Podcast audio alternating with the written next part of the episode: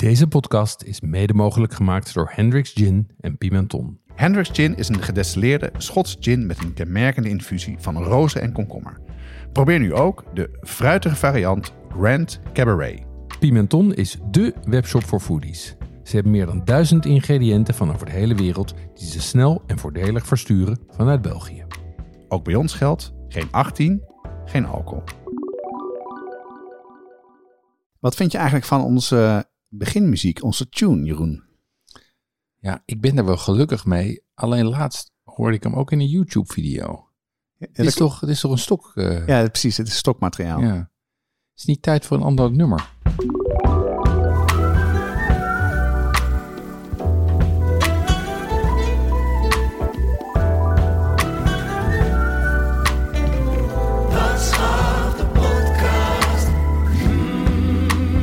Lijkt me een goed idee, Jeroen. Ander nummer. Maar laten we eerst vertellen waar deze aflevering over gaat. Namelijk, het gaat over sandwiches.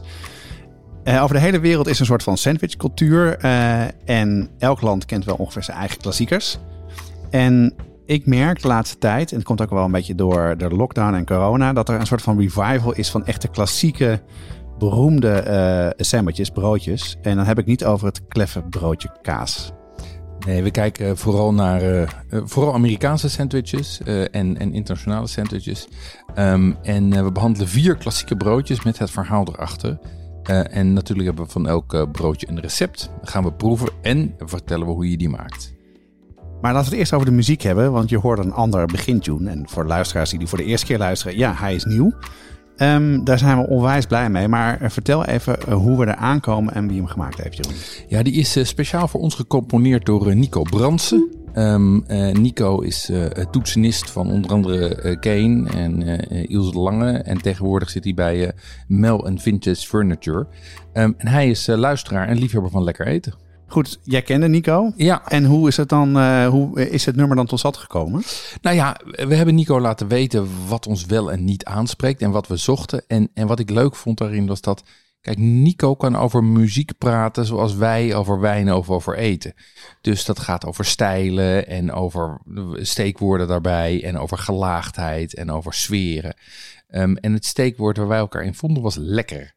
Ehm, want nou ja, we hebben het natuurlijk vaak over dingen die lekker zijn. En we vonden dus dat het nummer ook lekker moest zijn. Ja. En toen heeft hij iets gecomponeerd dat, eh, dat herkenbaar is en catchy, dus toegankelijk, maar ook helemaal nu, zoals hij zegt. Ehm, en zeker eh, de mensen die verstand hebben van eh, muziek, als die ernaar luisteren, zullen ze ook herkennen dat het gelaagd is als een goede wijn. Ja, want er zit veel meer in dan alleen maar eh, een synthesizer, toch? Ja, sterker nog, het is eh, helemaal analoog opgenomen, inclusief de drums. CS? Ja, Oh, het dat is, helemaal niet. Ja, het is, er zitten drums in, er zit eh, eh, gitaar in, er zit synthesizer in. ehm, en het is dus ingespeeld door Mel en Vintage Furniture. Dat is Nico's huidige band. En, maar ook bijvoorbeeld hofleverancier van de Radio 2 Topsongs. En was ook de huisband van Linda's Wintermaand. Nou, tof. Ja. Nico en Mel en Vintage Furniture, ontzettend bedankt. We hebben daar zelfs een stinger.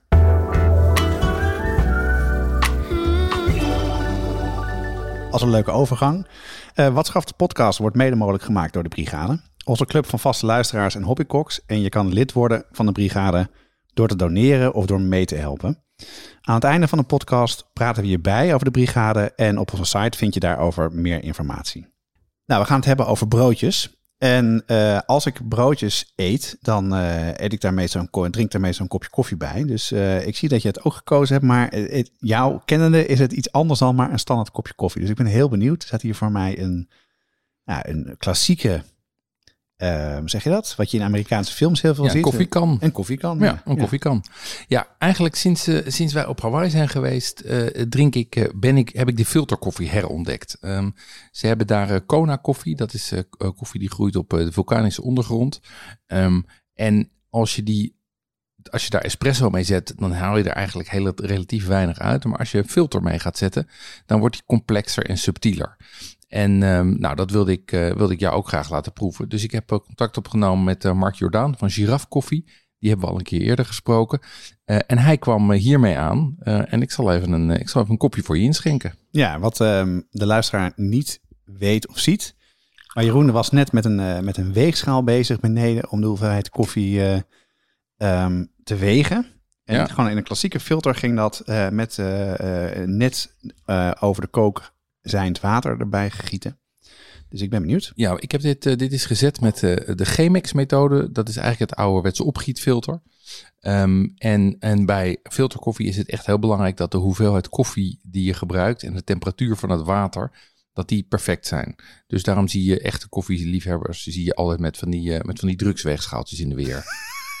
Dat wil ik niet zeggen, maar Dus, ehm, en nou ja, het is dus een hele. Ik, ik schenk, ik schenk hem nu zwart, terwijl dat natuurlijk voor jou niet de geprefereerde methode is. Ik ben heel benieuwd wat je ervan vindt. Nou, kijk, hij is, eh, hij is eh, niet zo sterk en dan vind ik het niet erg. En eh, wat niet iedereen weet, maar ik heb heel erg veel gezeild en wedstrijden gezeild. En als je boten moest overzeilen, dan maakte het echt niet uit hoe je de koffie dronk als er maar koffie was. Als Ja. je midden in de nacht op wacht moest zijn. Dus ik kan het eigenlijk al, allemaal drinken. En ik was heel benieuwd naar deze versie, want hij is heel licht. Ja, helemaal niet, niet echt bitter of zoiets.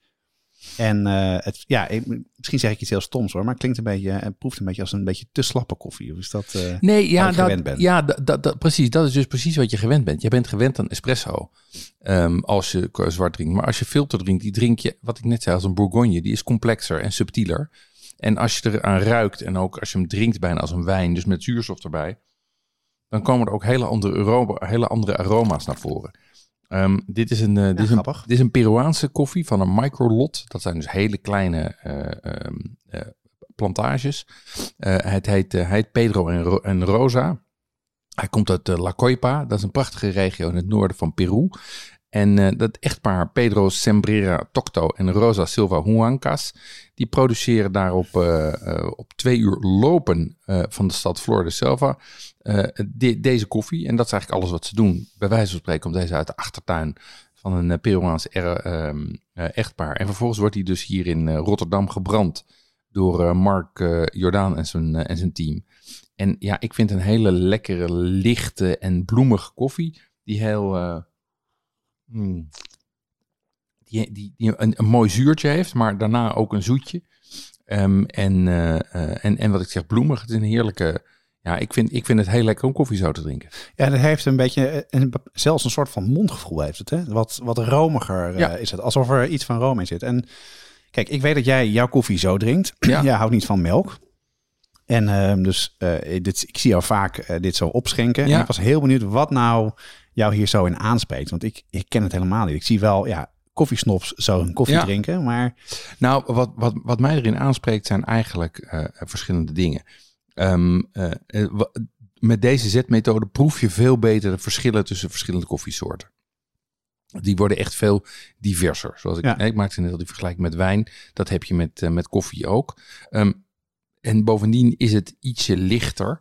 En ook heel plat, het is ook gewoon meer. Je drinkt ook gewoon, espresso is natuurlijk toch altijd een soort shotje. Even zo'n klein gemeen bijtertje. pang. En dit Ja. drinkt veel lekkerder door, zeg maar. Dus ik vind het veel prettiger om hiervan twee eh, grote koppen te drinken ehm, dan van een, ehm, eh, dan van een, eh, dan, dan een espressootje. Ja, wat, dat is wel wat mij nu te binnen schiet. Is, ehm, ik ben veel meer thee gaan drinken. Ook een beetje door dat ik thee hier met me samen hebben gedronken. Mhm.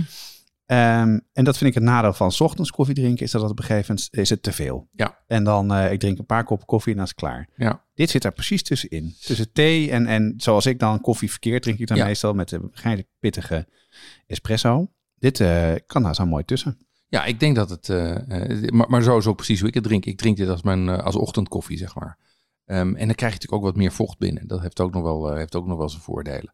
Dus ik vind het, ik vind het heel lekker. En, en de zetmethode is natuurlijk ook, dat, is, dat ritueel en zo, dat vind ik ook wel aardig. Ja. Ja. Nou, Mark, onwijs bedankt dat je langskwam om het te brengen en mij te introduceren in deze koffiewereld. Ik heb het gevoel dat we hier nog vaker over gaan hebben. En dat ik eh, misschien ooit wel zelf ook zo eh, mijn koffie ga zetten. Ik vrees van wel namelijk. Moeten we niet even een... een, eh, nee, volgens mij is het goed zo.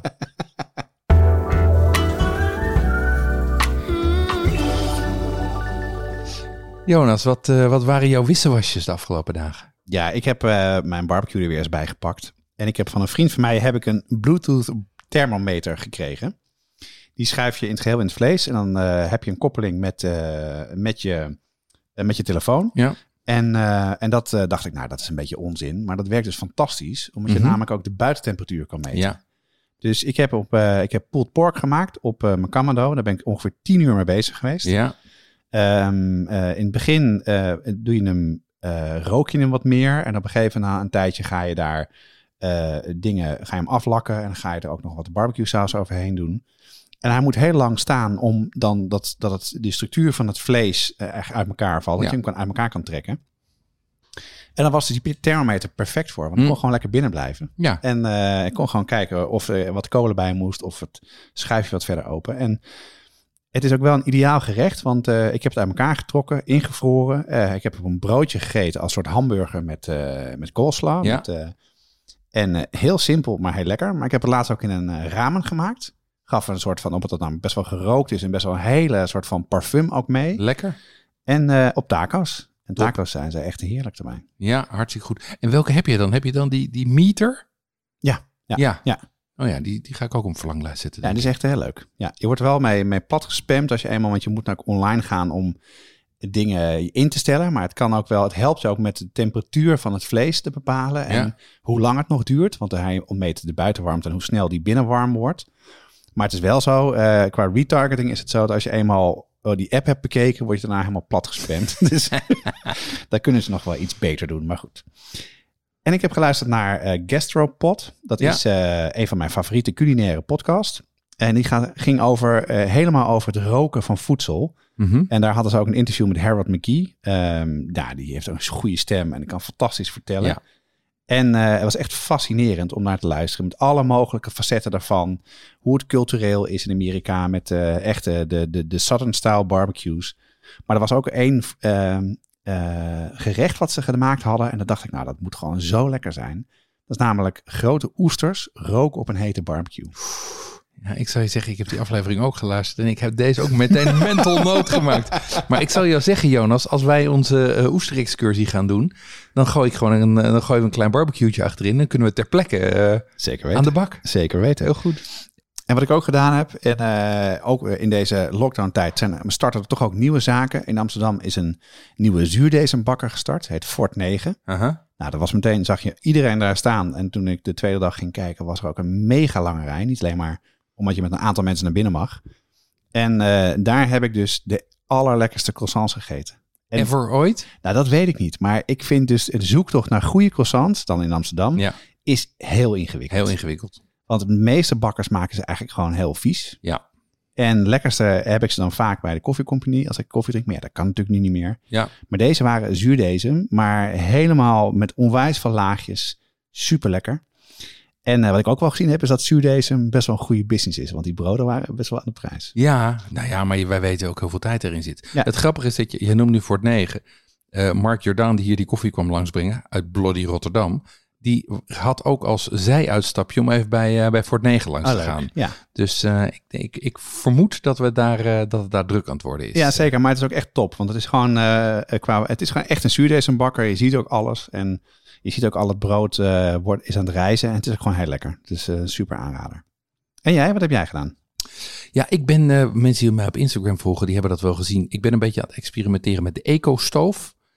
Eco-stoof is een soort... eh, Ja, ik weet wat het is, Een soort, maar- een soort mummieslaapzak voor, een soort mummieslaapzak voor stoofgerechten. Ehm, en ehm, eh, nou ja, ik heb dat, we hebben dat ding op een gegeven moment opgestuurd gekregen. En ik was op zoek van ja, hoe kunnen we daar... Nou, hoe werkt dat en is dat een succes?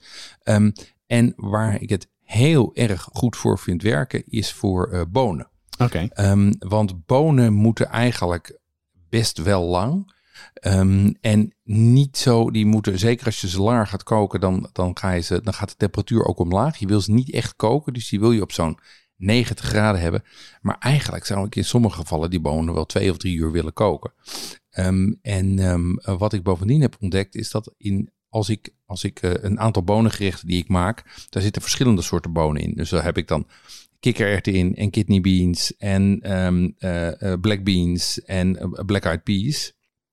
En die moeten eigenlijk allemaal een andere tijd koken om goed gaar te worden en Ja, niet precies. mushy te worden. Ja. Ja. dus dat is veel werk, want dan heb je vier bonen in de week staan en vervolgens vier verschillende pannen koken die je allemaal een eigen tijd moeten hebben. Ja, ik zal al vaker hoor. dan. Veel gedoe. Ja. Ja. en wat ik met die ecostoof dus doe, is dan breng ik die hele pan aan de kook, vervolgens met alle bonen door elkaar heen. Echt waar? Ja, dan zet ik hem daarin en laat ik hem een hele dag staan. En dan zijn ze s'avonds zijn ze gewoon perfect. Zijn ze nog een beetje warm. Warm genoeg om als je zou willen eten. Maar ook om verder te verwerken. En het mooie is, om een of andere reden garen ze dus niet veel verder door. Dus ze worden niet mushy. Grappig. Dus ik vond dat een, uh, een, een ontdekking. En bovendien is het natuurlijk zo dat het verbruikt gewoon minder energie. Want je hoeft die pan maar één keer op te warmen. En daarna houdt hij de warmte gewoon vast. Ja, herken het van mijn moeder. Als zij uh, reis maakte. Deze gewoon altijd in, uh, in de deken van, gewoon van wikkels in de deken en Ja. zet ze het weg. Ja, precies. Dus dat was, dat was, laat ik zeggen, aan de, aan de oh, ik zou bijna zeggen, de hippie-zuinige, uh, vegetarische kant van het leven. Um, aan de andere goed, kant. Heb jij goed gemaakt, Heb ik, ik dat gecompenseerd met, een, met een dry-aged porterhouse. Oh, wauw. Um, ik had wel weer eens zin in een echt groot, groot lap vlees. Ja, wat is een porterhouse voor de mensen die nou, het kennen? Een porterhouse is, je weet je wat een T-bone steak is? Ja. T-bone, voor de luisteraars die het niet weten, een T-bone steak is, een, is eigenlijk een het is entrecote en ossehaas. Um, uh, maar dan met het bot wat die twee scheidt er nog aan. Okay. Waardoor je een T-vormig stuk krijgt. Want dat ja. is zeg maar die rugwervel die in de lengte is doorgezaagd met het begin van, uh, van, van de wervel. En met bovenaan dan je ossa, de entrecote en onderaan je ossehaas. De porterhouse is precies die doorsnede waar de ossehaas het grootst is. Dus eigenlijk is dat de Chateaubriand. Okay. Dus dat heeft een optimale grootte qua de maximale hoeveelheid ossehaas per, per gewicht. Um, en deze had ik dus, uh, deze had, heb ik sous vide bereid. Oké. Okay. Want dat is een uitdaging hier in huis. Um, we houden eigenlijk van nogal uiteenlopende uh, uh, garingen. Um, dus ik zit meer aan de uh, rode kant, terwijl Sascha, mijn vrouw en mijn dochter zitten meer aan de, aan de medium kant. Oké. Okay. Um, en eigenlijk wil je hem dus medium rare hebben, maar perfect, want er is weinig ruimte voor, voor, voor vergissingen. Want anders begint een van de gezinsleden te piepen. En, en met zo'n stuk vlees waar natuurlijk ook nog vet in zit en verschillende structuren en verschillende dikte en botten, is dat dus heel lastig om dat precies goed te krijgen. Um, en, um, en door het sous vide te trekken kan je dat perfect doen. Dus ik heb hem op, uh, op 55 graden precies gekregen, waardoor hij mooi medium rare was. En daarna even afgebakken in de pan. Subliem eten. Nou, Subliem, lekker. ja. En verder, wat heb je nog meer gedaan? Ja, ik ben begonnen met de, um, uh, met de boerenbonte tas. De, boer, de Boerenbonte Tas is een, is een initiatief van, uh, van Edwin Tromp. Edwin Tromp is iemand die jarenlang in de internetindustrie heeft gewerkt in allerlei directiefuncties. Um, en toen heeft besloten dat hij, uh, dat hij geen zin meer had in de Red Race. En die is een, um, uh, die is een boerderij begonnen op Flevoland. En, um, op Flevoland? Ja. Ah, ja. En uh, daar zit hij in de biologische driehoek. Dat is het gebied waar dus alleen maar biologische boerderijen mogen zitten. Oké. Okay. En uh, die, ver, die verbouwt allerlei gewassen, uh, gangbare en minder gangbare. En um, die heeft een, een abonnementsdienst waarin je eens in de week een tas krijgt met allemaal spullen erin. Wat leuk. En er zitten hartstikke leuke dingen in. Um, zit, ik heb tot nu toe, we zitten nu natuurlijk in, nu is een moeilijke periode qua aanbod van het land. Ja. Dus, maar er zitten schorseneren in en topinambour en paarse boerenkool en uh, uh, eitjes van zijn kippen en uh, God, grappig zeg. allemaal van dat soort dingen. En ik, wat ik er leuk aan vind, natuurlijk enerzijds is dat het van zo'n dat het uit zo'n initiatief komt, en anderzijds is het voor mij ook een soort curveball in mijn menuplanning. Um, want ik ben natuurlijk, zoals jij en de luisteraars waarschijnlijk ook weten, nogal van het geplande menu.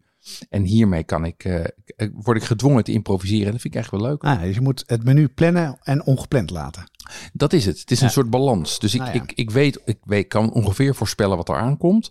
En, uh, en vervolgens, uh, maar krijg ik dus ook ineens, krijg je ineens appelwortel die ik dan kwijt moet. Ja, daar verzin ik dan wat mee. Nou, leuk zeg. Ja, dat is leuk. Maar dat is grappig, hè? Want uh, ik ken Edwin van naam. Uh, we kennen elkaar niet persoonlijk, maar uit de wereld wel. En uh, jij liet laatst een foto zien van, wist jij dat hij boer was? Dat wist ik dus helemaal niet. Nee, Wat leuk. Dat je gewoon je leven toch helemaal omgooit. En, compleet. Ja, Ja. ja. En uh, da- dan hoor je overigens ook hoe complex het is om. Ik heb hem ook even een, een- berichtje gestuurd.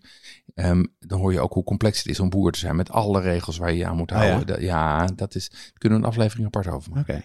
Jeroen, bij jullie thuis wordt toch veel hot sauce gegeten? Ja, dat klopt. Er staan eigenlijk altijd wel iets van vijf flesjes open. En elke paar weken is er eentje op. Dus dat gaat, uh, gaat behoorlijk hard. Maar waar, waar gebruik je het dan bij? Waar, waar, waar eet je het mee dan? Nou, mijn dochter houdt niet zo van heet eten, maar mijn jongste zoon juist wel. Um, uh, dus bij heel veel avondeten kiezen we dan zelf. Bij taco's, bij kip, bij gebakken rijst, dat soort dingen.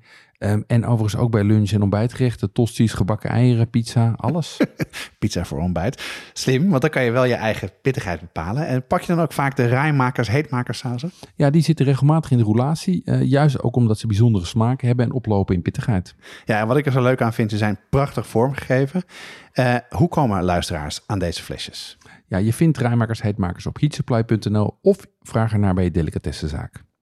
Ik heb al trek in wat te eten, Jonas. Ehm, laten we snel beginnen aan ons hoofdonderwerp sandwiches. Ehm, vertel eens welke broodjes we gaan behandelen en waarom jij daar zo'n zin in had. Nou, ik vind het dus, eh, een van mijn guilty pleasures is om op een luie zaterdag of zondag eh, te gaan lunchen en een broodje te eten. Dat deed ik al toen ik studeerde. Dus vroeger deed ik dat bij Greenwoods. Ik weet niet of je dat nog kent. Op de single zaten ze en zitten volgens mij nog op de Prinsgracht ook. Die hadden echt eh, Engels soda bread en BLT. Nou, echt eh, heerlijk. En tegenwoordig ga ik vaak naar Small World Catering in Amsterdam. En die hebben een ciabatta kip met avocado. En als Sean me aan ziet lopen, dan zegt hij al kip avocado. Dan, eh, dan weet hij. Avocado? Ja, avocado. dan weet hij het al. Lekker hoor. Oh, dat moet mevrouw niet horen. En eh, waar ik ook heel graag naartoe ga is Café de Pels. In Ja. de, ik ben negen straatjes. En die hebben heerlijke, hele goede ehm, eh, stokbrood met, eh met ossenworst. En lekker de krant lezen. En ze rustig daar. Ik mis het heel erg. Dus ik denk, nou, laten we daar eens wat over hebben. En ik ben dacht van, ja, ik ga het ook gewoon zelf wat meer dingen maken. Dus ik wilde de vier behandelen. Cubanos hebben we het al vaak over gehad. Mhm. Eh, Tomago Sando, een eh, Japans broodje wat enorm populair is in LA. is het meest ge- eh, gefotografeerde broodje op Instagram. Oké. Wat men zegt, een tosti met een heel leuk verhaal erachter. En als laatste de Reuben sandwich. En die zie je de laatste tijd heel veel in de stad, die van Amsterdam terugkomen. Eh, dat die door eh, restaurants wordt gemaakt. Ja. Dus ik heb daar ook een poging gemaakt om hem zelf te maken. En eh, wat daar het verhaal achter is. Dat is ook leuk. Ja, en we beginnen met de Cubano. Die is bekend van mijn favoriete foodfilm Chef. Daar hebben we het overigens ook in de aflevering Foodfilms over gehad. Ehm, vertel eens kort wat voor broodje de Cubano is. En, en laten we het ook vooral gaan proeven, want er staat er hier eentje voor me. Zeker weten. Cuba- Cubano is een, eigenlijk een Cubaans broodje. Eh, dat is van eh, gemarineerd varkensvlees. Mhm. Eh, maar dan op een Cubaanse manier. Ik heb niet verder uitgezocht of het misschien ook een Mexicaanse manier is. Ehm, en daar zit nog extra ham bij, kaas, Zwitserse kaas, mosterd en augurken. Dat doe je op een zacht broodje. Dan Mhm. doe je op een contactgrill. Dus dat is eigenlijk een tosti-ijzer, maar dan platgelet. Waar je ook eh, Italiaanse paninis op maakt. Ja, En wat je al zei, hij is eh, beroemd van de film Chef, maar vooral beroemd in Miami, omdat hij daar geserveerd wordt in Versailles. Dat is een Cubaans restaurant. En dat is ook het Cubaanse restaurant waar eh, de oppositie tegen Fidel Castro vaak eh, kwam, waar ook vergaderingen gehouden werden. En een, ja, daar, daar eet ehm, chef Casper, heet hij volgens mij uit zijn hoofd, uit mijn hoofd. Die eet daar met zijn vrouw en dat is het moment in de film dat hij denkt, ja, ik ga mijn leven omgooien. ja. Dus, maar laten we eerst even proeven. Ja. Ik heb hier een, eh, een, een mandje voor me. Daar zit een eh, geplet broodje in. Geplet, hè, een broodje wat tussen een contactgrill heeft gezeten. En eh, eh, behoorlijk formaat. En Lekker hè? Oh man. mm, Kijk, wat het grappig is, als je dit eh, ook video's bekijkt. Bijvoorbeeld, heb ik er ook al over gehad, de Foodbasker heeft het helemaal nagemaakt. En iedereen eet dit en zegt dan, oh, dit is het beste broodje ever. En dat, eh, ik heb het de eerste keer gemaakt, dus ik heb nu de tweede keer het vlees gemaakt. Toen dacht, had ik het, dacht ik, ja, wat staat dat nou voor? Maar ik heb nu eh, het recept helemaal gevolgd en echt, eh, echt heel erg mijn best gedaan. En eh, ja, ik kan me wel, het is wel heel anders dan je gewend bent. En het is, he- ik vind het he- heerlijk. mm. Jeroen eet even zijn mond leeg.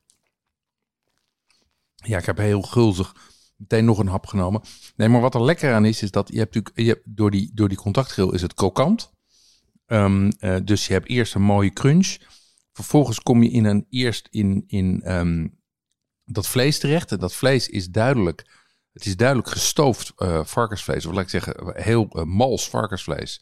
Ehm, maar het heeft niet dat rokerige wat pulled pork heeft. Nee, het heeft iets fris en iets, iets eh, citrusnoten. Vervolgens zit er natuurlijk dat vette van die kaas in, die het mooi bij elkaar bindt.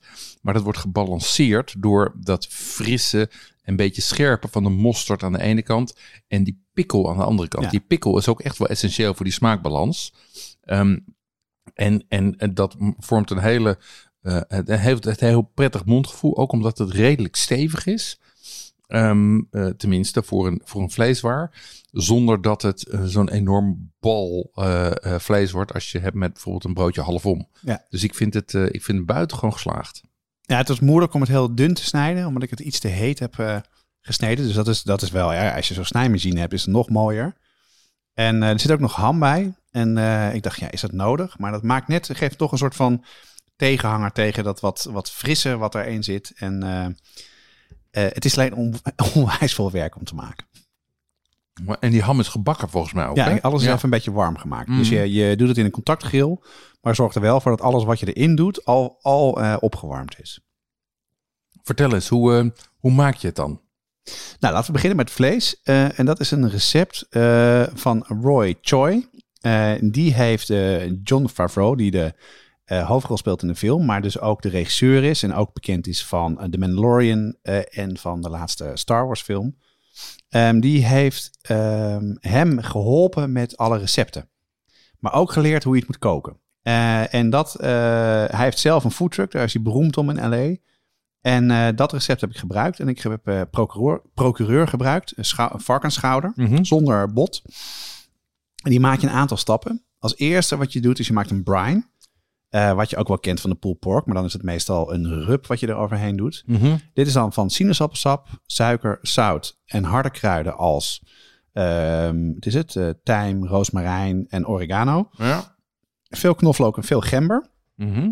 En daar doe je het minimaal 12 uur in, in Ja. de ijskast. Dus dat is, en dan wordt het de buitenkant een beetje een soort van wittig. Ja. Het wordt al wat, eh ja, past, tast de structuur al wat aan. Ja. En het is niet, er zit niet heel veel eh, zout bij. Wat je normaal wel hebt, zit er vaak wel meer in. ja. En geen paprika, hè? Nee, geen Nee. paprikapoeder, nee. nee. En eh, dat is de eerste stap. En de tweede stap is dat je een, een mojo maakt. Eh, en dat is een soort pasta van olijfolie, heel veel verse koriander, munt, een beetje oregano verse en dan limoensap, sinaasappelsap en ook weer wat knoflook. Er zit wat komijnpoeder bij. Ja. En dat wordt een soort van dikke, ja, een soort rub. Pesto-achtig bijna, ja, hè? bijna wel, ja. ja. Die smeer je, daar smeer je mee in. En dat laat je minimaal twee uur staan. Dan gaat hij op de barbecue. Dat duurt ongeveer drie, vier uur. Eerst doe je het heel heet. Mhm. Op ongeveer 200 graden. En dan eh, verlaag je de temperatuur naar 150 graden. En dan draai je hem af en toe. En daar was bijvoorbeeld die thermometer heel handig in ook. Omdat je namelijk kon zien wat de temperatuur was. Je draait hem om en je smeert hem dus steeds een beetje in met die marinade. En ik heb er een bak onder gezet om ook al het vet op te vangen. En, eh, en dan laat je hem staan tot de kerntemperatuur eh 76 graden is. En dan is hij eigenlijk eh, gaar, Mhm. maar niet te ver door. Dus Nee, precies, want dat is, dat, dat is beduidend lager dan pulled pork. Absoluut, ja. Ja. Absoluut. En het is dus daarom ook. Maar je kan er ook pulled pork van maken. Je kan dus ook... Ja. Ja, dan laat je hem liggen. dan ga je dus gewoon... Doe je hem op 120 graden. En laat je hem ja, een uur of tien liggen. Ja, Eh, en dan in plaats van eh, barbecue saus wat je gebruikt... eh, gebruik je deze mojo eroverheen. Of mojo, zoals je het schrijft. En, eh, en het, wat het, het geeft dus wat frissigheid. En dat vind ik er heel lekker aan. Ik vind ook pulled pork ook heel lekker hoor. Maar Mhm. het is wel echt zo'n smaakbom in je hoofd. Daar kan je er een beetje van eten. Maar daarna zit je echt gewoon volledig vol. En, Ja. en dit blijf je wel vandoor eten. Dat merk ik wel aan het broodje. maar het is wel, dit is wel een redelijk proces, zeg maar. Ja, zeker. Het is, eh, ik ben er ook lang mee bezig geweest. Ja, Ja. Dus ik moet het wel even plannen. Dus ik ben er twee dagen mee bezig geweest. Ja. Maar het voordeel is wel, als je het eenmaal hebt, kan je het in stukken snijden of in, in plakjes snijden. Mhm. Eh, die eh, bewaar ik in de vriezer. Dus ik heb voor de komende maanden kan ik af en toe gewoon. en ik heb dan niet te veel in een pakje gedaan, zodat je daar gewoon twee broodjes van kan maken. Ja, gewoon portie. Ja, en dan kan je gewoon, wanneer je trek hebt, kan ik een, een Cubano maken. Ja, dat kan. Hoe gaat dat dan verder? Want je hebt nu dat, je hebt dat vlees, dat is het belangrijkste. Het belangrijkste is dat, is dat, is dat, eh, eh, dat, dat specifieke eh, varkensvlees. Ja. Hoe maak je hem vervolgens dan? Nou, wat je daarna doet, is dat je mm, ehm, dat vlees, dat laat je afkoelen. Ja. En dat maakt, het handigste is om het gewoon in de ijskast te doen, zodat het koud is en makkelijk snijdt. Dan Ja. kan je het heel mooi dun snijden. Ja. Nou, en hoe je het dan gaat maken is, eh, je bakt het vlees heel kort op. Mhm. Eh, ham die je ook daarbij doet, eh, bak je kort op. En dan Ja. loont het de moeite om even naar een goede slager te gaan. Echt le- lekkere ham te koken, gekookte ham te kopen. En dat bak je op dat het warm is en een beetje crispy. Mhm. met wat boter. Dan smeer je de onderkant van het broodje in met Amerikaanse mosterd. Ja. Nou, ik dacht, nou ja, wat is dat? Nou, dat is dus specifieke mosterd die iets minder scherp en iets zoeter is. Die kun je gewoon Knalgeel. knalgeel. Ja. Kun je gewoon in de supermarkt kopen. Lekker ook op, eh, op hotdogs volgens Ja. mij. Dus dat heb je wel nodig om een beetje een soort eh, kruidigheid er tegenaan. eh, om door wat scherper is het dan. Daar doe je dan het, de, het vlees overheen, de procureur. Dan doe je er de ham eroverheen. Daarop doe je wat dun gesneden augurken. Mhm. En dan Zwitserse kaas. En dan doe je de boterham, of de brood er bovenop. Smeer je het nog in met boter. Ja. En dat doe je onder de contactgrill. En door die boter wordt de bovenkant nog crispier. En dan, eh, ja, dan eh, even wachten tot de kaas gesmolten is. En dan lekker opeten. ja, jij zegt wel even makkelijk broodje, maar hoe zit dat dan? Wat voor, wat voor broodje gebruik je hiervoor? Nou, dat is nog best wel een punt. Omdat het broodje wat in de film wordt gebruikt en Ja. wat bij Versailles wordt eh, gebruikt, is een Cubaans broodje. Mhm. En dat is een broodje wat hard en zacht tegelijkertijd is. Er zit reuzel in. Ja. Ehm, en wat het voordeel daarvan is, het kan dus wel die contactgrill hebben. Ja. Hè, dus het heeft wat weerstand, zodat het niet helemaal super plat wordt. Nee.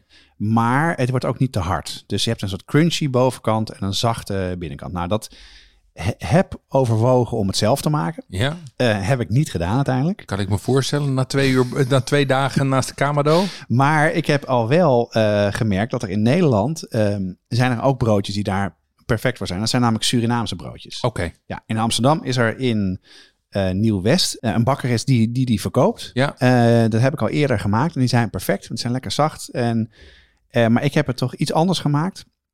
En dat is het eigenlijk, ben ik tot hetzelfde resultaat gekomen en hoef ik niet heel erg om te gaan rijden om wat brood te kopen.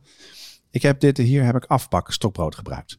Van die, van die weeën witte broodjes. Ja. Oké. En het voordeel is, omdat hij in die contactgrill gaat, Ja. dan wordt het brood ook gaar. Ja. Eh, maar dan blijft hij zacht zonder die keiharde korst van, een, van wat een stokbrood normaal heeft. Ja. En dat werkt perfect. Dus ik heb, ja, je hebt het net geprobeerd. En ehm, ja, dat, dat is, eh, dat krijgt hetzelfde resultaat. Slim. Dus gewoon een afbakstokbroodje, ja. Ja, en het lijkt me ook beter om dit te gebruiken, want dat heeft iedereen. Kan gewoon bij de supermarkt of bij de bakker afbakstokbrood halen. Probeer dan wel stokbrood te vinden wat een beetje zacht is. Ja, En dan, eh, dan werkt dat perfect. hartstikke goed. Ja, kaas is eh, heel belangrijk in broodjes. Zeker de tosti. Eh, en wij gaan even bellen met Lieve van Kaas de podcast om hem wat vragen te stellen.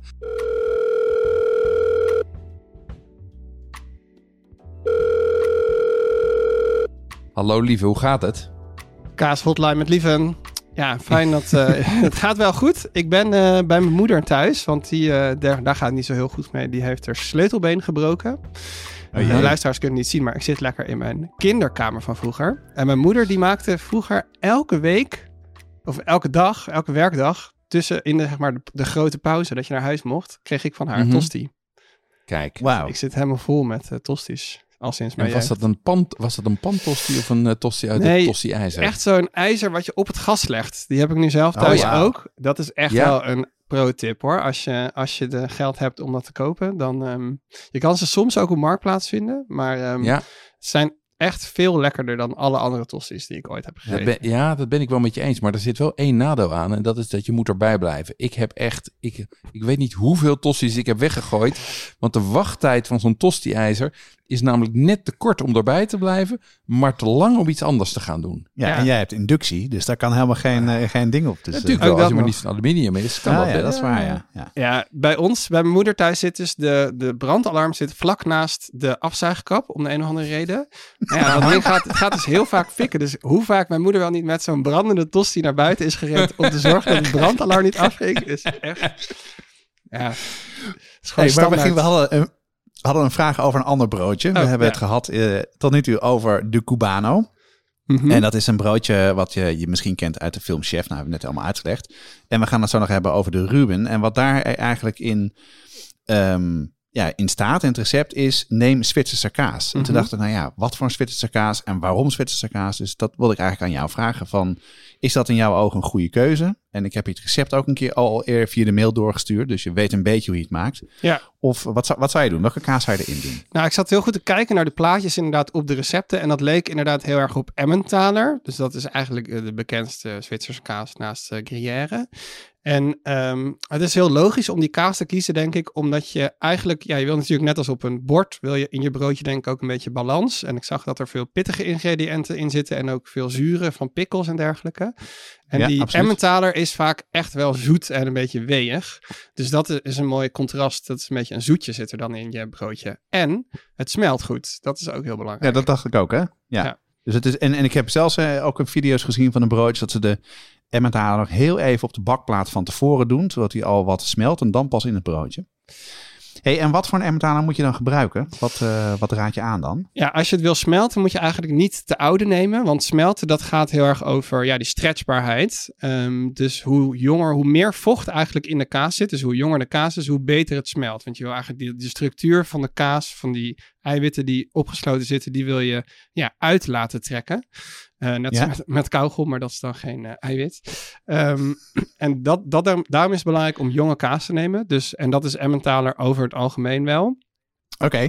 Hey, en ik heb uiteindelijk eh, ben ik bij, bij Kev geweest en eh, vroeg om Emmentaler. En toen zeiden ze nou dat, eh, dat Zwitsers hebben we niet, maar we hebben wel Tjeinentaler, als ik goed uitspreek. Zegt het helemaal verkeerd. Ja, dat zal best. ja. Gebeurt mij wel vaker. Maar dit gebeurt ook heel vaak in de winkel, dus echt goud. Het is Tienjetaler en dat komt uit Tijnje en dat ligt in Friesland. Dat is best wel een grote boerderij. Ehm, eh, en ze bestaan nou wel 20 jaar al, denk ik. En ze maken daar dus die kaas zelf. eh het is een boerenkaas, dus van hun eigen koeien. Eh, en ik zat even op de website te kijken, want ik ben er nog nooit geweest. Maar die kaas is dus per ongeluk ontstaan. Omdat, Echt ja, waar? ja, het is altijd een beetje een delicaat proces. En net als broodbakken, Jeroen, misschien weet je dat. Als je soms het zout vergeet, dan, ja, dan wordt het weer net iets anders qua smaak. En met of deze... ander meelgebruik. Ja, Hè? Be- Begin daar niet over. En bij deze kaas eh, hadden ze op een gegeven moment iets veranderd in het productieproces. ehm, en kwamen mensen steeds terug voor de kaas. Maar ze wisten niet precies wat ze hadden veranderd. Daar zijn ze Mhm. inmiddels wel achter. Ehm, en ja, dat is de tienjetaler geworden. En ja, die is gewoon... Het is één, heel goedkoop. Ricardo in aflevering 5 van de podcast... die eigenlijk gaat over eh, blauwe kaas... is ook super enthousiast altijd over tienjetaler. En ja, het is echt een Nederlandse variant. En nog iets grappigs om na te vertellen is dat eh, een luisteraar van de Kaaspodcast die mailde mij nog eh, ehm, na de Kaasfondue aflevering over, dat is Jorn Baan Hofman. Jorn Baan Hofman is zijn naam. Mhm. Die stuurde mij nog een wetenschappelijk artikel door eh, over Amerikanen die probeerden Emmentaler te maken. En Emmentaler, Mhm. je kent het en waarschijnlijk wel, ah, dat zit gewoon superveel grote gaten in die kaas. En dat komt omdat er een bepaalde soort bacterie eh, leeft in de kaas en die gaat eh, CO2 uitstoten en dat maakt bubbels. En dat geeft ook dat Mhm. aroma en een beetje ja, die wege geur ja, en vaak ook dat zoete. Ehm, en dat hebben ze dus volgens dat artikel geprobeerd na te maken in Amerika, maar dat lukte niet. En ze wisten niet waarom. En dat kwam dus door die bacteriecultuur. Dus dat is echt heel Ja. belangrijk. En in Zwitserland is ook een keer voorgekomen dat er de gaten steeds minder, of de kazen steeds minder gaten kregen. En dat had ook te maken met het verdwijnen van die bacteriecultuur, omdat ze steeds sterieler gingen werken. Dat, was de, dat is zeg maar de, de Swiss cheese, eh, waarvan wij dus nu tot de conclusie komen dat je daar eigenlijk het beste tienjetaler voor kan gebruiken. Ehm, in de tosti van Maarten, die gebruikt Wilde Weide en Etivas. Mhm. Ik kende die kazen allebei niet. Ken jij ze wel? Kan je daar iets over vertellen? Ja, Etevas is eigenlijk de original version van de Gruyère. Ehm, dus dat ja, een wat exclusievere variant. En is ook een wat oudere kaas vaak, of langer geruit dan eh Emmentaler. Ja. Ehm, Het lijkt een beetje op Comté, zeg maar, qua vibe. Je moet het zeker proberen. Het is wel wat prijzig, omdat hier gewoon wat kleinere schaal gemaakt wordt. Eh, en hier, die Wilde Weide, daar ben ik ook een keer bij de boeren geweest. En het leuke daarvan is, die zitten voornamelijk rondom Zoeterwoude. En Mhm. dat is een van de eerste streekproducten en dan zeg je streekproducten, dat is eh, niets nieuws. Nee, dus dat was nieuw in de jaren negentig. Eigenlijk denk ik Ja. al bij de inzet van de schaalvergroting van de landbouw. Maar die kaas wordt gemaakt door vier verschillende boeren. En ik ben bij een van die boeren geweest, toen op fietsvakantie met mijn vriendin. En eh, ja, super aardige mensen. En die waren nu over aan het dragen op hun eh, zoon. Maar ze zijn zo goed dat ze nog steeds prijzen winnen in de, bij de regionale kaaswedstrijden, zeg maar. Eh, en die combinatie is dus logisch, omdat je wat je dus kan doen, is als je bijvoorbeeld een tosti maakt of een ander broodje, dat je oude kaas, parmezaan kan bijvoorbeeld ook, smelt niet per se goed, maar als je genoeg vocht eromheen hebt, dan smelt het beter. Dus als je het combineert met een jonge kaas, heb je weer hogere vochtgehalte en dan krijg je dus een betere, een mooier kaassmeltmengsel. Hey, en als je die niet kan krijgen, wat zou je dan, eh, waar zou, wat zou je dan voor een andere kaas kan je dan gebruiken in plaats van bijvoorbeeld wilde weide of etivas? Ja, wilde wij de...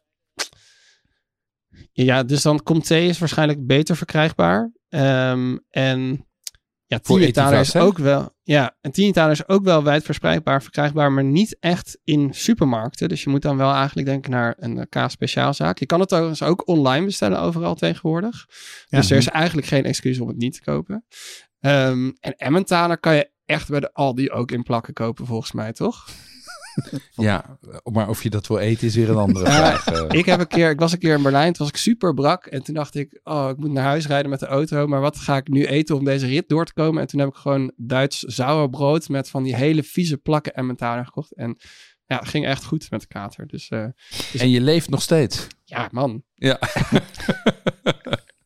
Oké, dus je kan dus best wel de recepten volgen, maar gewoon eh, prima vervangende kazen vinden. Zoals een, een belegen eh, boerenkaas in plaats van wilde weide toch. En dan Comté in plaats van Etivas of uh, Gruyère volgens mij. Ja. hey, maar wat je dus wel, wat mij opviel, is dat in de meeste broodjes, als je naar die hele sandwichcultuur wereldwijd kijkt, zit er altijd wel kaas in. Weet je, wat, waarom is dat zo? We- weet je dat? Ja, ik denk dat het, eh, het heeft sowieso veel smaak. Het is veel voorhanden. Het is maar waarschijnlijk niet een heel duur ingrediënt. En het functioneert een beetje als je zout ook, hè? Als, op je palet, zeg maar. Eh, Ja. Of je, op je, als je weer die vijf smaken afgaat.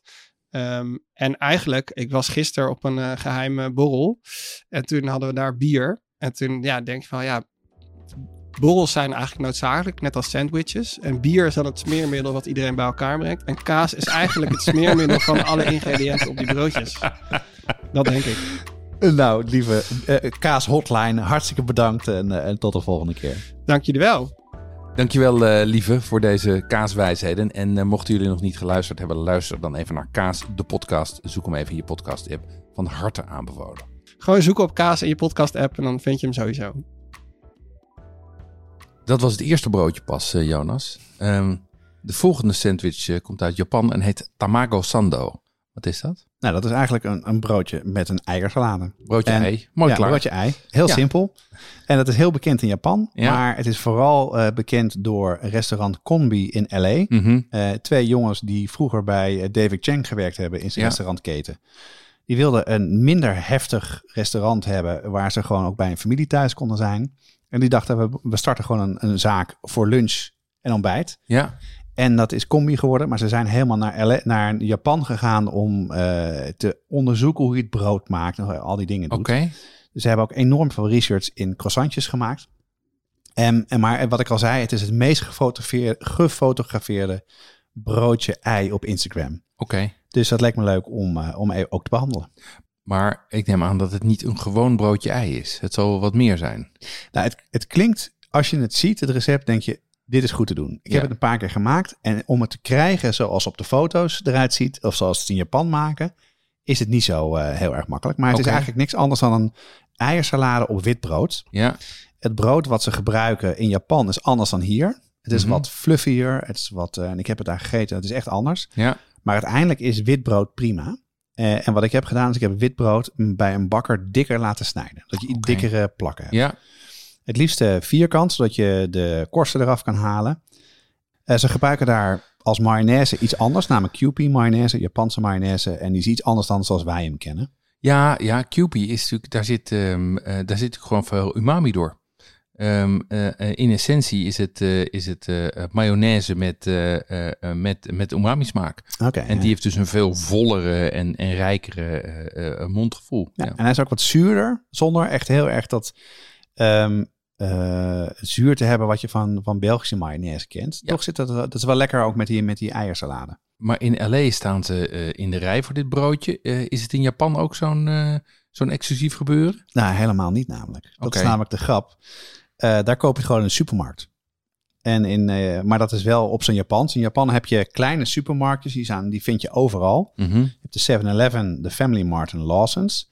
Dat is ook de perfecte plek waar je naar de wc kan. Ja, Eh, eh, waar altijd een wc is, die altijd gratis is en altijd brandschoon is. Eh, waar je ook lekkere koffie kan halen. En daar kan je dus gewoon uit de, de koelkast, vitrine, haal je gewoon deze broodjes.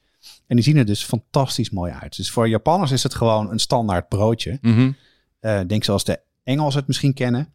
En in LA hebben ze er weer iets bijzonders van gemaakt. Want wat ze daar anders hebben gedaan, is daar hebben ze een half ei tussen gezet. Dus dat is best wel even de truc om die goed te krijgen. Maar eh, ik geloof dat van onze luisteraars twee of drie in Tokio of eh, LA wonen. Ehm, als je het nou zelf wil maken, hoe doe je dat? Nou, ik heb het recept van combi gevonden. Het stond in de New York Times. Eh, wat je doet, je pakt per broodje neem je ongeveer eh 2,5 ei. Mhm. Hè, dus je maakt er even wat meer, dat is makkelijker. Ehm Eén ei kook je ongeveer 6 tot 6,5 minuten. Het is een beetje hoe je het zelf doet. Hij moet, de dooier moet een beetje vloeibaar zijn, maar niet meer lopen. Dus dat moet er net tegenaan zitten. Ja, Dat is best wel, eh, ja, bij mij was dat 6,5 minuut. ja hangt, hangt natuurlijk gewoon ook van de omvang van je eieren af. En of je hem in de koelkast bewaart. Zo is het. Ja. En eh, de andere eieren die je hebt, eh, je, je, hebt je, dus per broodje neem je één ei waarbij die dooier eh, dus ietsje vloeibaarder is. De andere die snij je fijn. Mhm. Dan doe je wat Kewpie mayonaise doorheen, rijstazijn. En in het recept staat er ook wat crème fraîche bij. Wat lenteui, een beetje zout, een klein beetje mosterd en dan doorroeren. En dat doe je dan door de eieren heen. Mhm. Dan snij je de korst van het brood af. En doe je op één boterham mosterd. Ja, Op de andere boterham doe je Kewpie mayonaise nog meer. oké. Snij je het ei door midden. Doe je de bolle kant in het midden. En de puntkant naar boven en eh, naar onder. Ja, Daar doe je dus die eiersalade overheen. Eh, dat doe je ook op de andere kant. Doe je op elkaar en dan snij je hem mooi door midden. Dat je precies de eieren door midden snijdt. Als je ze dan omdraait en rechtop zet. Dan zie je zo de dooier heel mooi in het broodje zitten. ah, nice. Het is een heel visueel ding dus. Absoluut, ja. Ja. En dan merk je dus dat, dat het netjes recht snijden heel belangrijk is. Dat het niet aan elkaar loopt. En dan merk je het verschil tussen hoe je in Japan perfectie in de details zit. En als je het een beetje in elkaar flanst zoals ik gedaan had. Maar eh, de, Ja, de smaak ja, was lekker. Ja, maar als ik dit zo hoor, dit klinkt ook als sushi. Waar je ook je ontzettend je best moet doen om te zorgen dat je precies de goede hoeveelheid rijst hebt. En precies de, eh, precies de tonijn in het midden weet, eh, weet te parkeren. Exact. Ehm, jij hebt het nu een paar keer gemaakt. Volg je het, eh, het recept helemaal? nee, ik moet zeggen, ik heb wel dat ik die mayonaise gebruik. Maar die gebruiken wij vaak. Mhm. Eh, en ik kwam een, eh, een artikel van Janneke Vreugdeheel tegen in de NRC. Die ging helemaal over gevulde eitjes. Ja, Daar had ze drie recepten. Eentje van haarzelf. en van twee andere chefs. En toen dacht ik, ja, dat is eigenlijk wat je moet toevoegen. Dus ik pak eigenlijk wat je bij een gevuld eitje doet. Je doet er wat ketchup bij, wat Worcestershire saus Mhm. en wat azijn. ja. En ook een beetje kleine eh, in stukjes gesneden augurkjes doe ik erbij. En dat eh, geeft iets meer crunch en heel lekker. Perfect voor grote groepen of een picknick. Je doet het gewoon in een, eh, in een bak. Ja, en laat het zien en iedereen vindt het mooi en heel lekker. Broodje ei. Hartstikke goed. Ja, Ja, precies. Ja, toch? Ehm, ik, eh, eh, eh, gelukkig staat er hier voor mij nog iets wat ik mag gaan eten. Ehm, we gaan weer wat proeven. Ehm, ik heb wat trek in een tosti. Is dit met witbrood met ham en kaas? Nee, dat is hem zeker niet. Oh. Hè? Dit is niet de clever hap die je in zijn geheel vaak ook een plastic uit de vriesvak kan kopen. We gaan een heel ander soort tosti eten en die ik gemaakt heb. En die is bedacht door een van onze luisteraars, Maarten van Kouliel. Mhm. Het is een tosti op zuurdezenbrood met alleen kaas en een uimengsel. Kaas en uimengsel. Hm, ik Ga ga even proberen. proeven.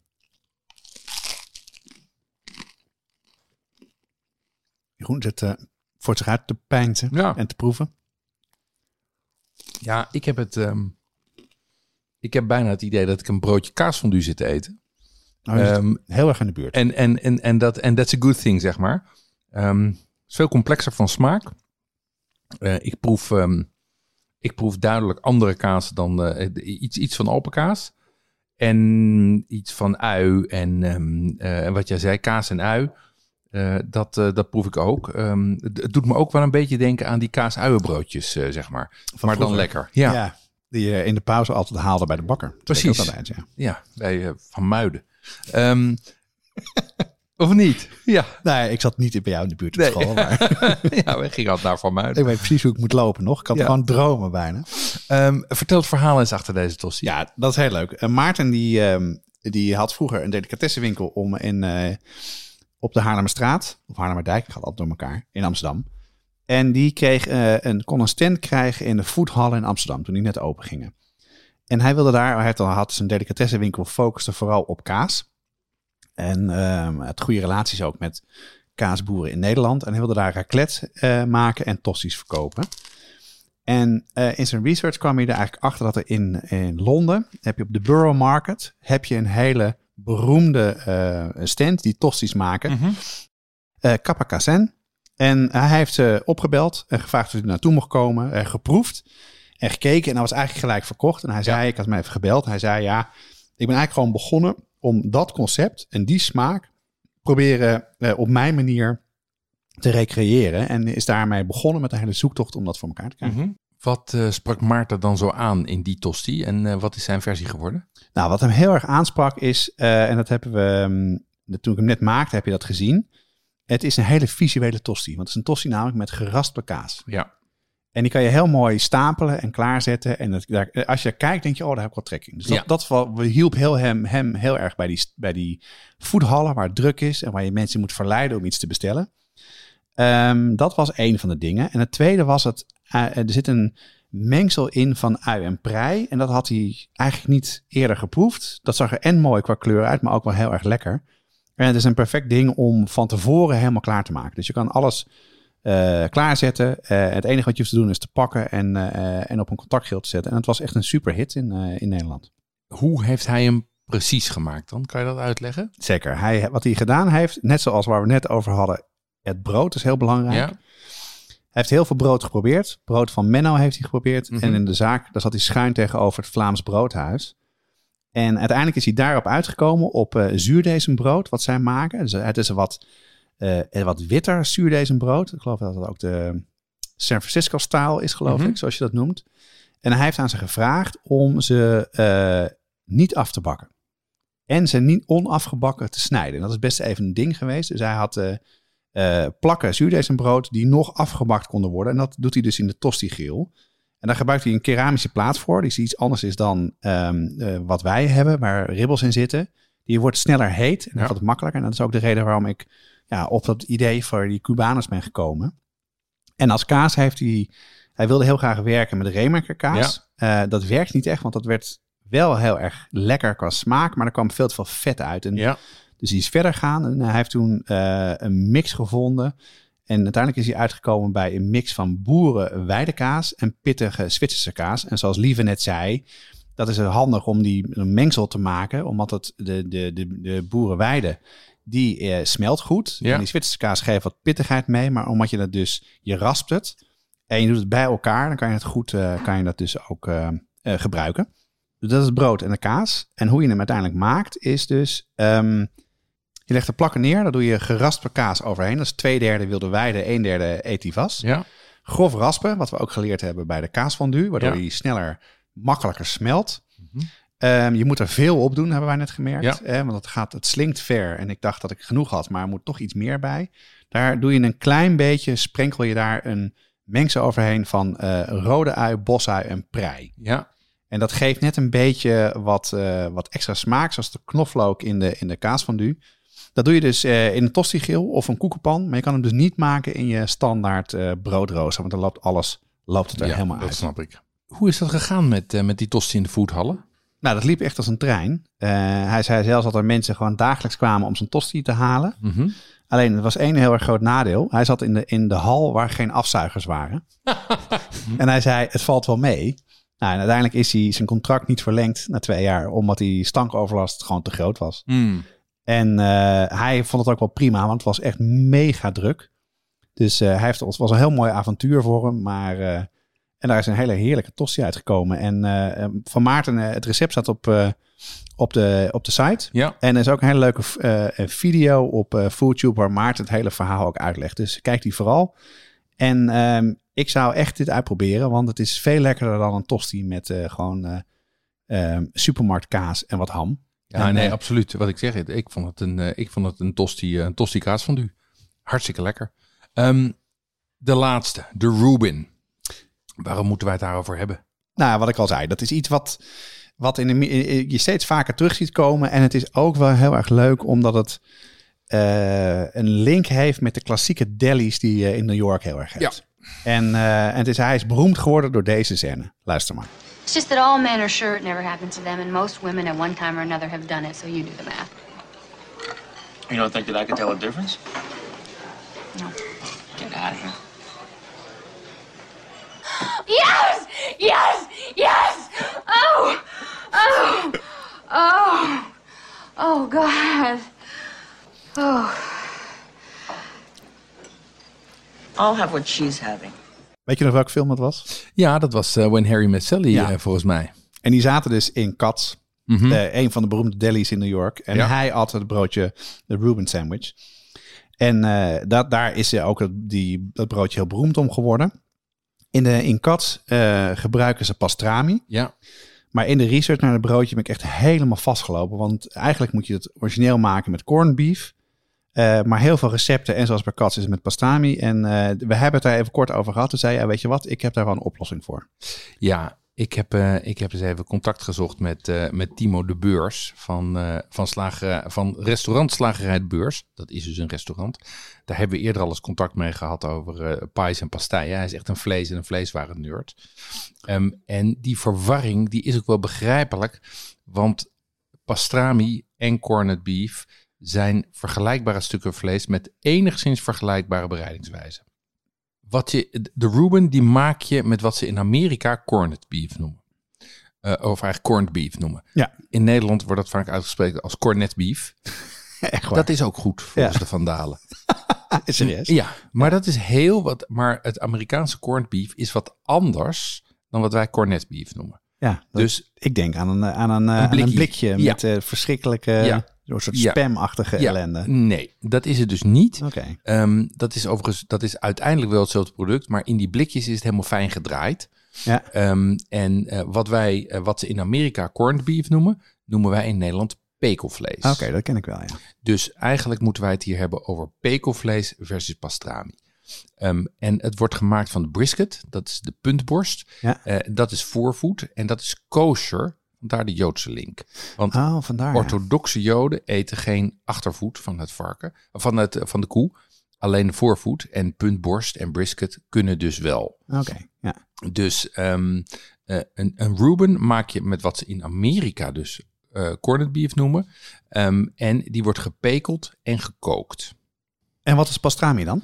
Ja, pastrami wordt ook van de voorvoet gemaakt. Vandaar Oké. de verwarring. Eh, alleen dat wordt gemaakt van de dekkel en de nevel. Maar tegenwoordig soms ook van brisket. Oké. En dus soms ook van puntborst. Dus daar ontstaat ook verwarring. Maar terug naar de essentie. Het belangrijkste verschil is dat pastrami ook wordt gerookt. En, ehm, en wordt gekruid. Dus pekelvlees, wat ze in Amerika corned beef noemen, en pastrami zijn hetzelfde deel van het dier, worden allebei gepekeld en gekookt. Maar pastrami wordt gekruid en gerookt.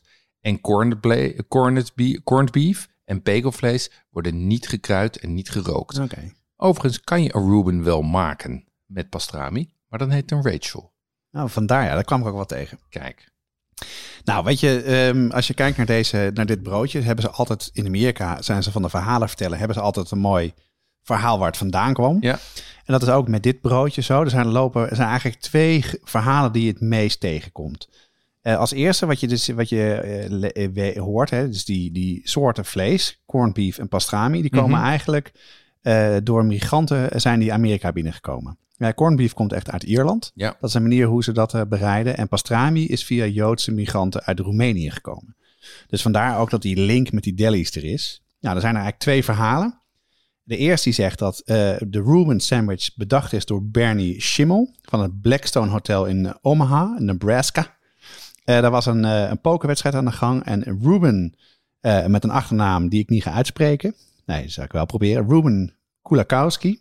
Die wilde wat eten, maar die wilde niet stoppen met zijn spel. Toen hebben ze bedacht, maak even wat snels wat ik met de hand kan eten. Dat werd de Ruben. En omdat hij Ruben heet, heet het de Ruben Sandwich. En later hebben ze nog prijzen gewonnen eh, met wedstrijden waar ze het broodje hebben ingestuurd. Andere verhaal wat er gaat, is dat het is bedacht is door Arnold Ruben van Ruben's Delicatessen in New York City. Dus eh, dat lijkt me ook een heel erg goede bron van het verhaal. Maar in ieder geval is het broodje ontstaan. Heeft een grote link met delis en ook een grote link met, eh, met de Joodse gemeenschap in Amerika. En het is een heel lekker broodje. Mhm. Oké. Hoe maak je het? Je maakt het met rye bread, roggebrood, maar dat is helemaal niet zoals wij roggebrood kennen, zoals het Scandinavisch is.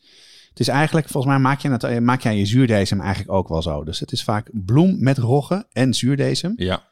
Eh, het is heel populair in de Joodse gemeenschap en daarom ook veel in delis gebruikt. Mhm. Ehm, je smeert het brood in met een dressing en heb je eigenlijk twee dressings, de Russian dressing en de Thousand Island dressing. Ja. In wezen is het hetzelfde. Mayonaise met ketchup en wat eh, smaakmakers. Maar bij de, eh, de versie die het meest tegenkomt, zit wat mierikswortel eh, doorheen. Wat ui en soms een beetje een pittige saus, een hot sauce. Dat geeft een beetje wat pittigheid. Dan vlees. Heel erg veel vlees. In Ja. Amerika is het soort van, ja, een soort van st- stapelen op stapelen. Ik zou wat minder doen. En als je het zelf wil maken, kan ik je wel erg aanraden. want het is heel lekker. Haal dan pekelvlees bij de slager, maar vraag of ze wat iets dikker willen snijden. Ehm, en dan doe je wat zuurkool erbij en dan ook weer Emmentaler, de Zwitserse kaas, waar Lieve het ook over had. Je maakt hem eigenlijk op dezelfde manier als de Cubano. Mhm. Eh, je maakt hem op een eh, contactgrill, eh, doet de kaas erop, een broodje erop en dan laat je hem warm worden. En eet je hem dus nee, eet je hem op. Lekker. Ja, wat ik interessant vind is dat, is dat eigenlijk in zowel die Reuben als in die Cubano vergelijkbare componenten zitten in de zin dat het vlees is met iets zuurs en kaas en dat gesmolten. Absoluut. En dat is toch een, eh, een gouden combinatie eh, als ik het zo zie. En waar in de Reuben, eh, bij de Cubano, de mosterd het pittigheid geeft, geeft in de Reuben die, die, die, die dressing geeft dat. Ja, Waarbij de Reuben heel zout is. Ja. Het is heel zout vlees. En daar zit dus dan die, in plaats van eh, augurken, zit er wat zuurkool bij. En dan kan je wel vertellen, als je niet genoeg vlees neemt, eet je gewoon een broodje zuurkool. Want ik heb het zelf thuis gemaakt. Ja. En dat maakt wel een heel erg groot verschil. Dus het is wel eh, even goed opletten wat je doet. Maar ja, weet je, het, eh, als je die dingen, eh, je kan ze gewoon bij de, bij de meeste slagers kopen. En het is iets anders en heel lekker om te maken. En dan ben je ook helemaal, helemaal hip. zoals hier in Amsterdam ze die broodjes maken. heel goed. Jonas, wat eh, voegen wij toe aan het vegetarisch repertoire? Nou, wat mij betreft eh, een, de tomago sando of gewoon een broodje met eiersalade. Een broodje met ei lijkt mij uitstekend voor het vegetarisch repertoire.